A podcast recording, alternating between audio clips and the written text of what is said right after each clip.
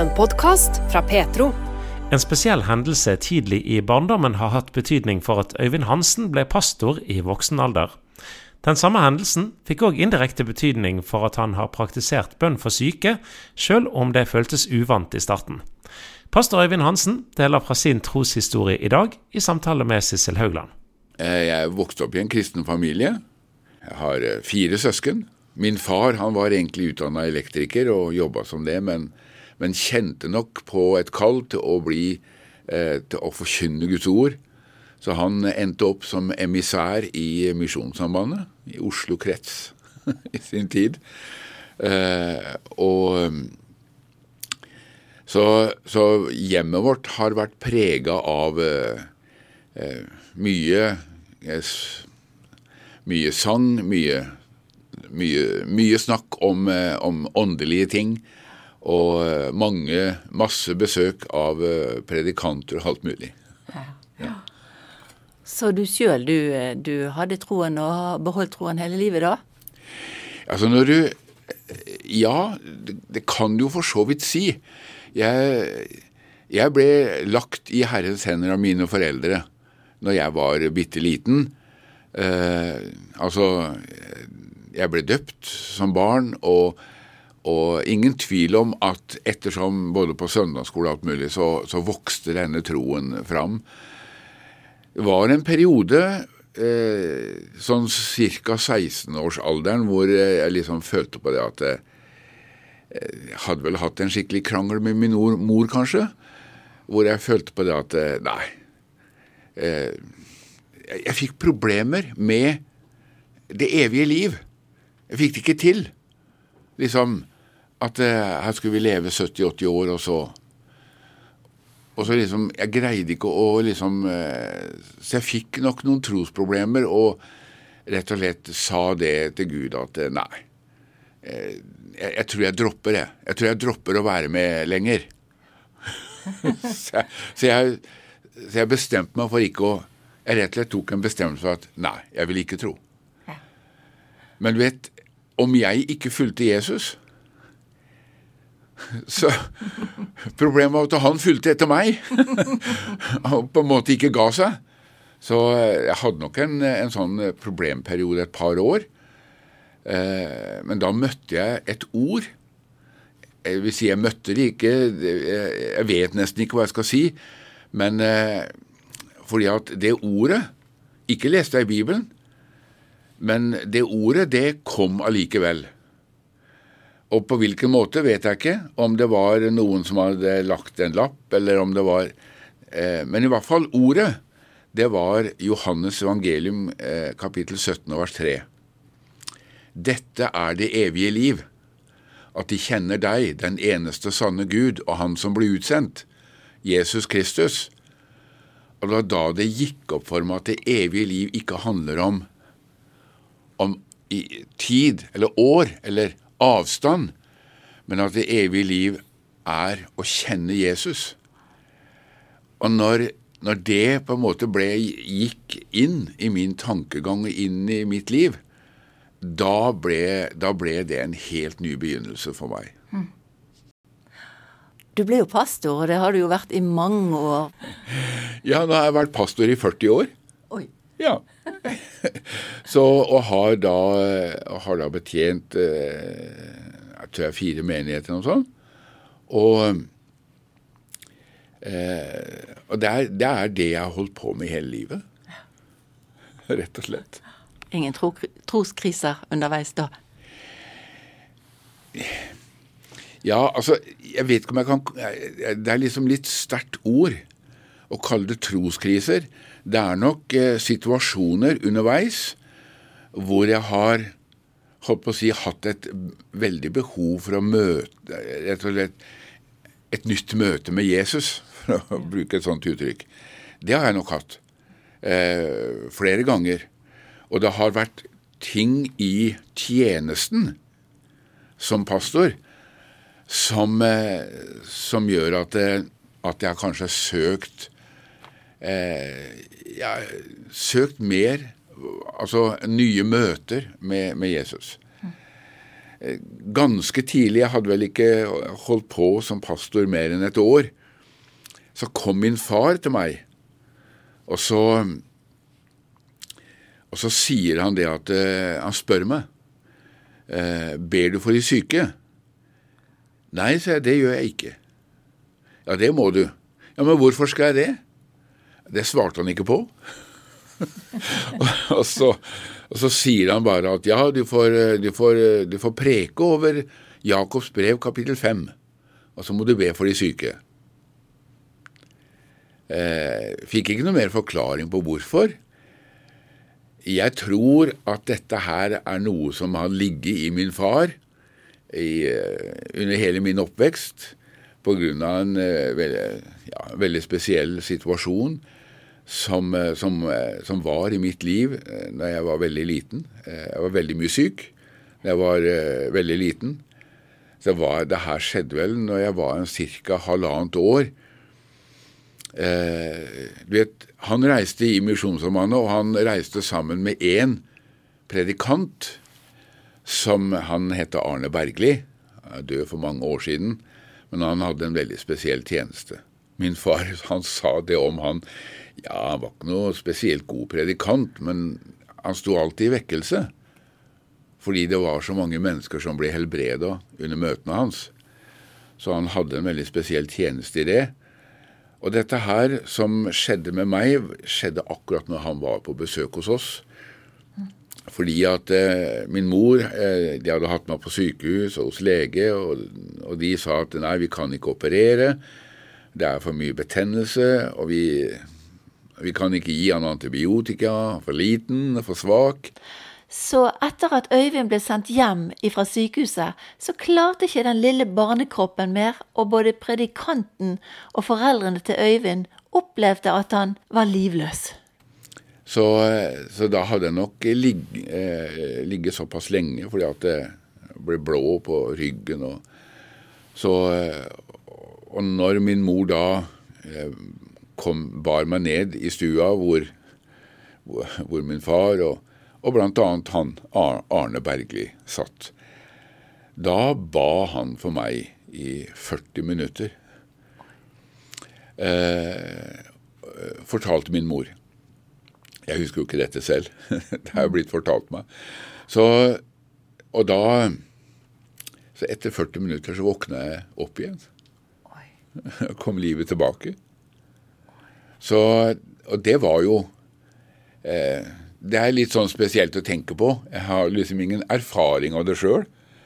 Men jeg har eh, liksom eh, Min bror fortalte meg det en gang, og da gikk jeg til min mor, og så er, er det sant det min bror forteller, og så Og dermed så har, eh, har den historia liksom fulgt meg litt sånn i bakhodet hele tiden. Eh, For din mor bekreftet at alt stemte? Ja, min mor har bekrefta at alt dette stemte. og Eh, hun har jo fortalt hva, hva, jeg feilte og alt mulig sånn, og snakka om det, og også de tinga rundt omkring det. Så det er ingen tvil om at det skjedde. Eh, og nå sitter vi i et studio hvor det er mye, mye sånn misjonssambandsånd, så da er det jo litt hyggelig å fortelle at det var en misjonssambandspredikant som vekte meg til liv igjen. ja. Det vil si, det var nok Herren som gjorde det. ja. Så jeg tror at dette hadde ligget veldig mye i tankegangen hos mine foreldre. Eh, for det var helt tydelig, hos min mor i hvert fall, at, eh, at eh, For jeg tenkte ja, kanskje jeg skal bli lærer. Og hun jeg skjønte på hun at hun hadde, hadde, ikke noe sans for det. Hun hadde nok mer sans for at jeg skulle bli predikant. det sa hun, hun sa hun nok aldri sånn rett ut, så det lå liksom ikke noe press eller noe, eh, noe sånn forventning i det. Men min far, når han kom til meg og sa ber du for de syke, så tror jeg dette lå bak. Så, så da gjorde jeg jo det. Jeg holdt en preken over Jakobs brev kapittel 5. hvor eh, det står at ja, når noen iblant dere er syke, skal de tilkalle seg menighetens eldste, eller menighetens ledere, betyr jo det.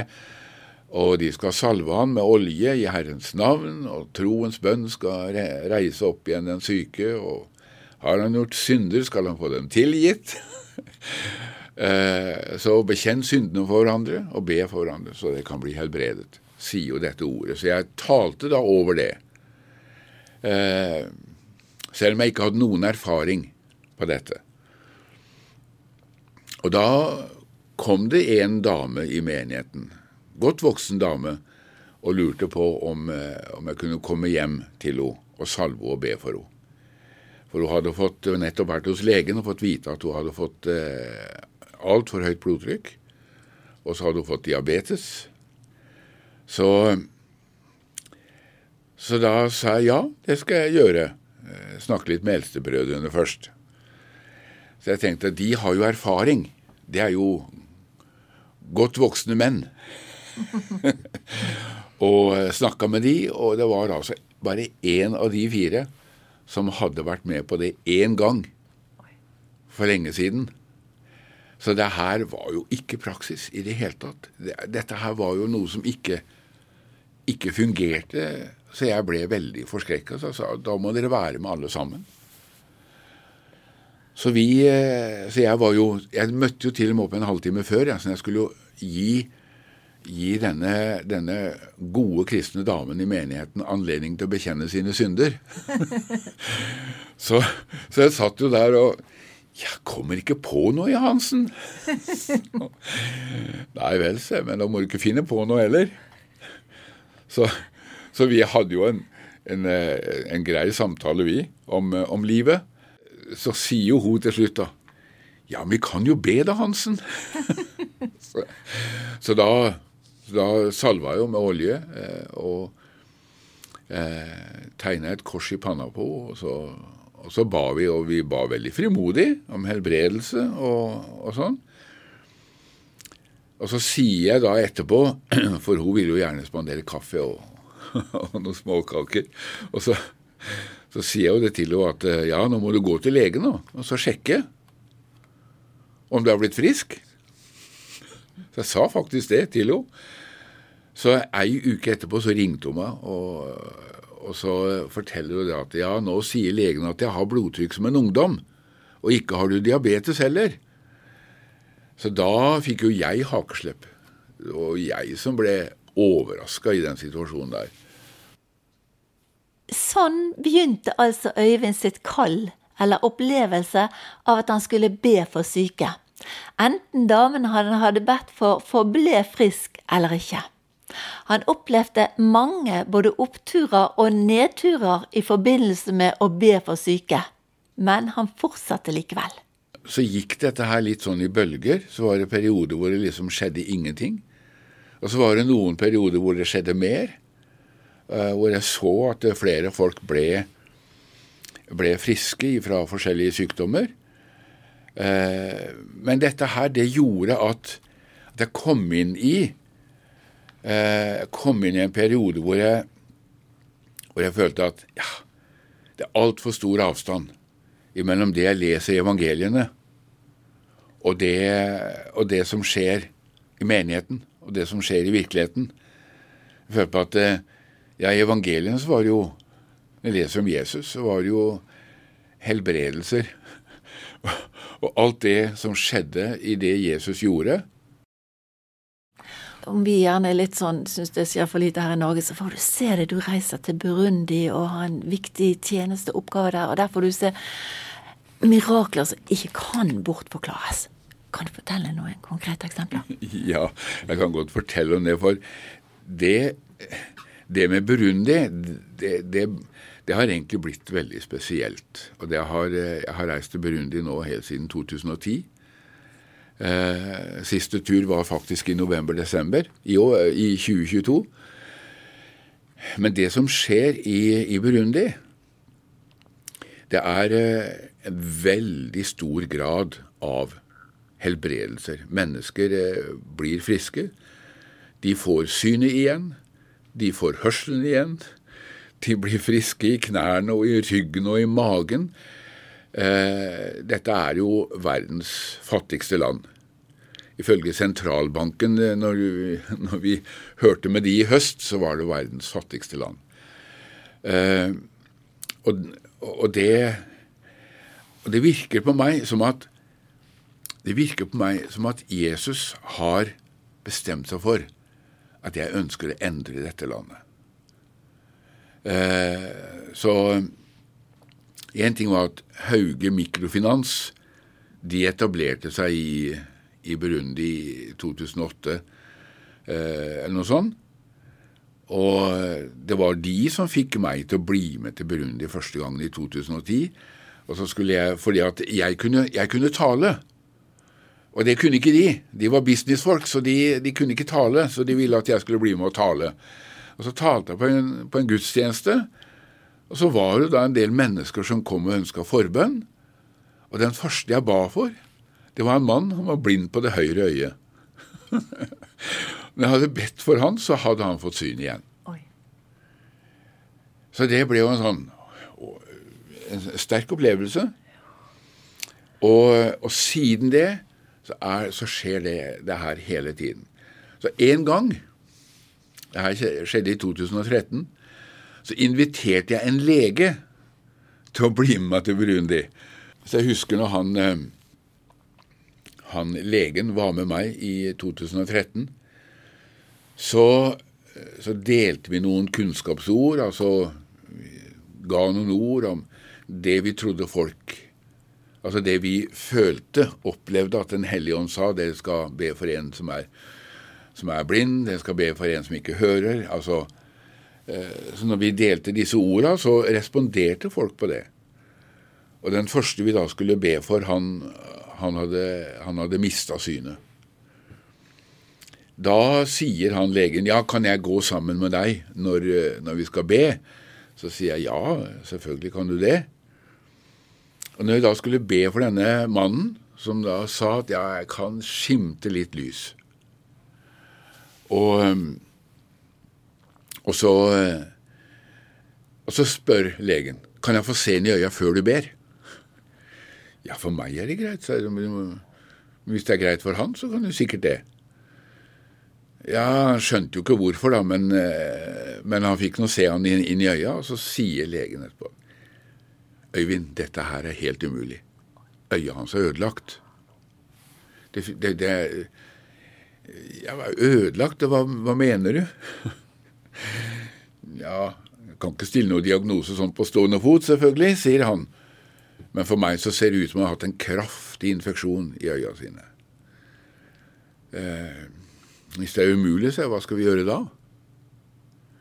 For jeg ville, jeg ville at han skulle si det.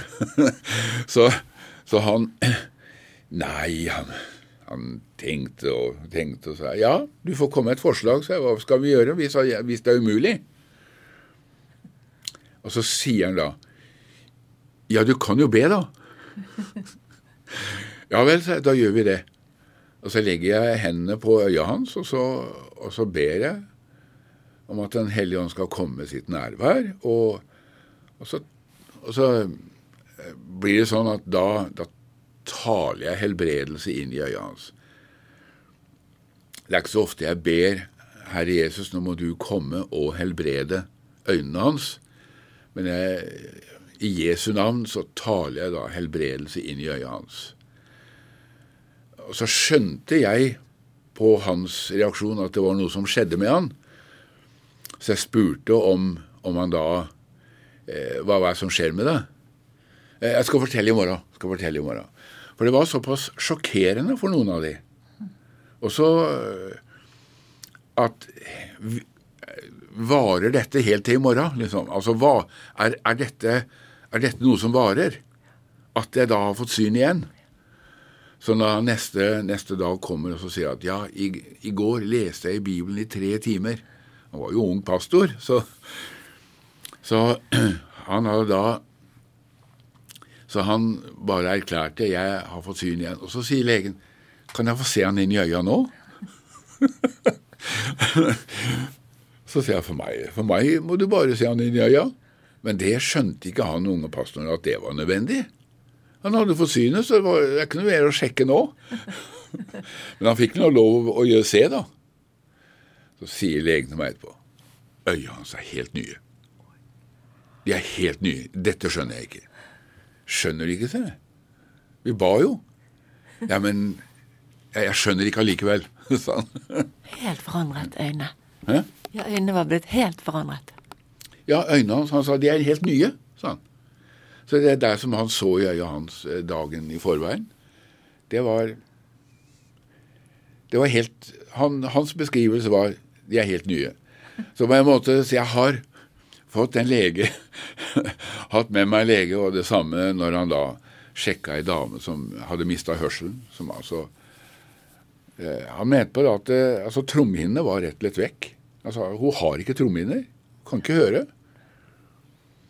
Og så ba vi for henne, og når hun, hun også da ble sjokkert over den opplevelsen at eh, hun fikk høre, så fortalte også hun dagen etter. For vi, vi hadde liksom sånn at vi avslutta seminardagen med å be for de syke, og så begynte vi med eh, vitnesbyrd dagen etter. Fordi at dette her var seminar som gikk over tre og fire dager, eh, alt ettersom. Så det begynte da med vitnesbyrd da, den andre dagen. Og da vitner hun også det at jeg har fått hørselen tilbake. Og når han så henne gjøre, så sa han at hun har fått nye trommehinner. Jeg kan ikke si det at ja, det var når jeg ba. Liksom. Selv om den tanken har surra i mitt hode mange ganger, så må jeg stadig arrestere meg sjøl. Det, det, er Jesus som helbreder. Og skjer det ikke noe, så har jeg fått klar melding fra Herren på at du skal slippe å ta skylda for at det ikke skjer noe. Du har lyttet til en podkast fra Petro. Har du tips, spørsmål eller kommentarer, kan du sende dem til post at petro.no. Du kan også enkelt kontakte oss gjennom Petro-appen.